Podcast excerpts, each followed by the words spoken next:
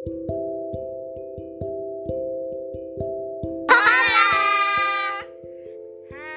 nih kita sekarang akan membacakan dongeng Pinocchio si boneka Kayu. Oke, Kak Lani baca dulu. Dongeng Pinocchio. Pada zaman dahulu kala, hiduplah seorang tukang kayu bernama Geppetto. Dia tinggal sendiri di rumah sederhana yang hanya berisi barang-barang dari kayu. Geppetto bermimpi memili- memiliki anak laki-laki yang akan menemaninya. Wah, si kakek nggak punya anak. Terus, Geppetto si pembuat boneka. Pada suatu malam, ketika dia merasa kesepian, dia membuat sebuah boneka kayu.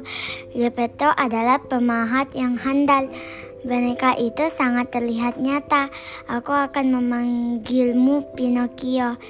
Ucapnya, oh aku berharap kamu adalah benar-benar anak laki-laki. oh gitu. Terus, terus.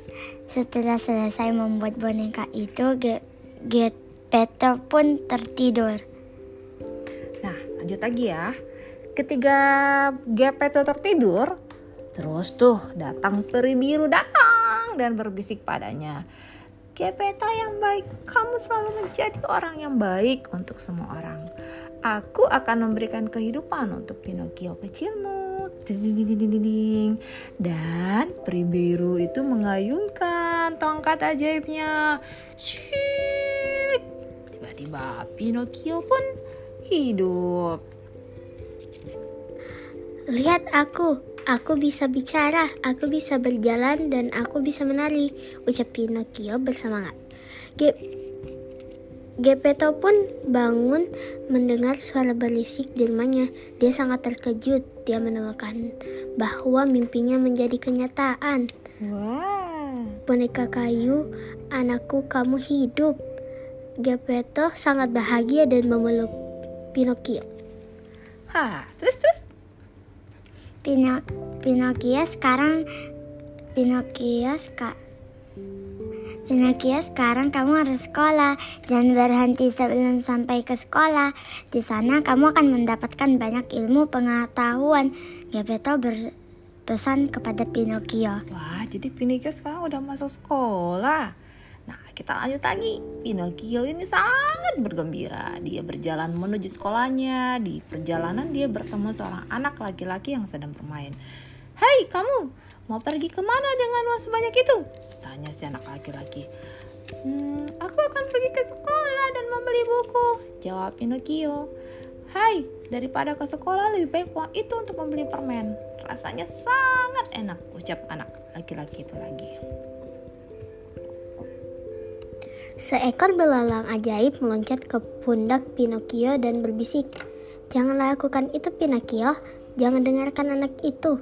Tapi Pinocchio tidak mendengarkan belalang ajaib, dia pergi masuk ke toko permen.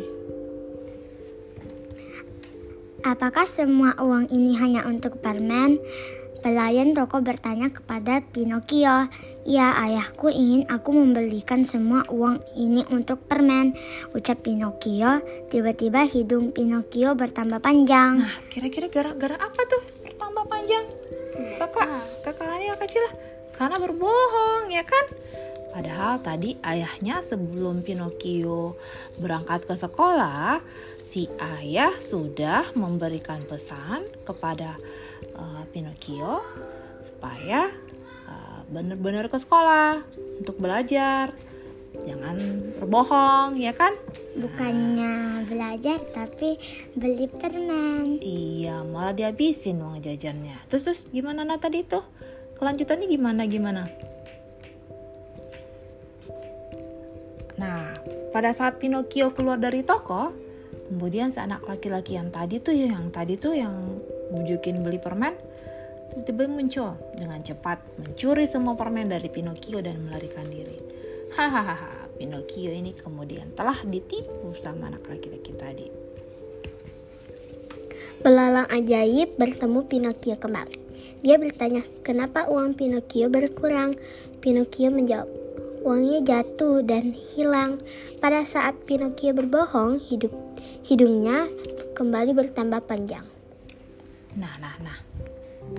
Pino, Pinocchio pun Pinocchio pun melanjutkan perjalanannya ke sekolah. Di perjalanan, dia bertemu serigala dan seekor kucing. Mereka menegur Pinocchio, "Hai, kami akan mengajak kamu ke sebuah pertunjukan boneka. Kami punya satu tiket untukmu. Harganya hanya lima koin." Pinocchio berpikir itu adalah tawaran yang sangat menarik dan dia memutuskan untuk ikut. Aku punya lima koin. Ayahku menyuruhku pergi ke pertunjukan yang menarik. Nah, terus apa yang terjadi? Dan hidung Pinocchio pun kembali bertambah panjang. Nah, cerita selanjutnya kemudian dia bertemu lagi dengan apa? Kemudian dia ber ke pertunjukan boneka tadi. Namun ternyata tiket yang dibelinya itu tiket palsu. Penjaga pertunjukan tidak memperbolehkannya masuk. Pinocchio pun duduk di pojok dan menangis. Seorang laki-laki asing dengan rambut dan janggut panjang menemukan Pinocchio menangis. Dia adalah Stromboli pemilik pertunjukan boneka. Dia sangat terpesona saat melihat Pinocchio yang merupakan boneka hidup, namun tidak memakai tali pengatur. Stromboli kemudian mengajak Pinocchio bergabung ke dalam pertunjukan. Nah, terus apa yang terjadi sekarang? Pinocchio naik ke panggung. Dia menari dan bernyanyi. Para penonton menyukai Pinocchio. Mereka bertepuk tangan untuk Pinocchio. Pinocchio pun semakin bersemangat dan dia tidak melihat arah gerakannya. Dan tanpa sadar, hidungnya yang panjang tersangkut tali boneka yang lain. Akhirnya pertunjukan berhenti karena menjadi kacau. Seluruh penonton menertawakan pertunjukan itu. Pinocchio kemudian sangat lelah. Dia merindukan Geppetto, ayah angkatnya. Pinocchio pun meminta izin kepada Stromboli bahwa dia ingin pulang. Namun ternyata Stromboli memiliki pendapat yang lain. Dia memasukkan Pinocchio ke dalam sangkar. Hahaha, kamu milikku sekarang, kata Stromboli. Ketika Pinocchio duduk dan menangis di dalam sangkar, belang ajaib muncul kembali. Lihat Pinocchio, jika kamu pergi ke sekolah seperti apa yang minta diminta oleh Geppetto, tentu kejadian ini tidak akan pernah terjadi. Belalang ajaib memberi kesempatan kedua untuk Pinocchio agar mau berubah. Dia dengan cepat pergi ke rumah Geppetto dan memberitahunya apa yang telah terjadi pada Pinocchio. Segera Geppetto pergi ke pertunjukan boneka dan menyelamatkan Pinocchio dari sangkar Stromboli. Pencuri, pencuri! Teriakan Stromboli dan dia berlari mengejar Geppetto. Boneka itu milikku, teriaknya. Pinocchio berpikir cepat. Dia membuat jebakan sehingga Stromboli jatuh menimpa kotak boneka. Prak! Pinocchio dan Geppetto pun bisa melarikan diri. Oh, Pinocchio, kata Geppetto. Lihatlah hidungmu itu. Itu akan terjadi jika kamu berbohong. Pinocchio sangat malu dan dia akhirnya memutuskan selalu berkata jujur dan dia pun menepati janjinya sehingga hidungnya mengecil, mengecil, mengecil dan kembali seperti mula. Dan akhirnya karena Pinocchio mengetahui kesalahannya dan berubah menjadi anak yang baik, peri biru memberi mantra sehingga Pinocchio menjadi anak laki-laki yang sesungguhnya. Gapeta, Gapeta dan Pinocchio pun hidung ba hidup bahagia. Nah, itu dia cerita Gapeta dan Pinocchio. Ambil hikmahnya, jangan berbohong, apalagi melanggar pesan dari orang tua. Oke teman-teman, sekian dari kami bertiga. Selamat tidur. Bye-bye. Bye-bye. Bye.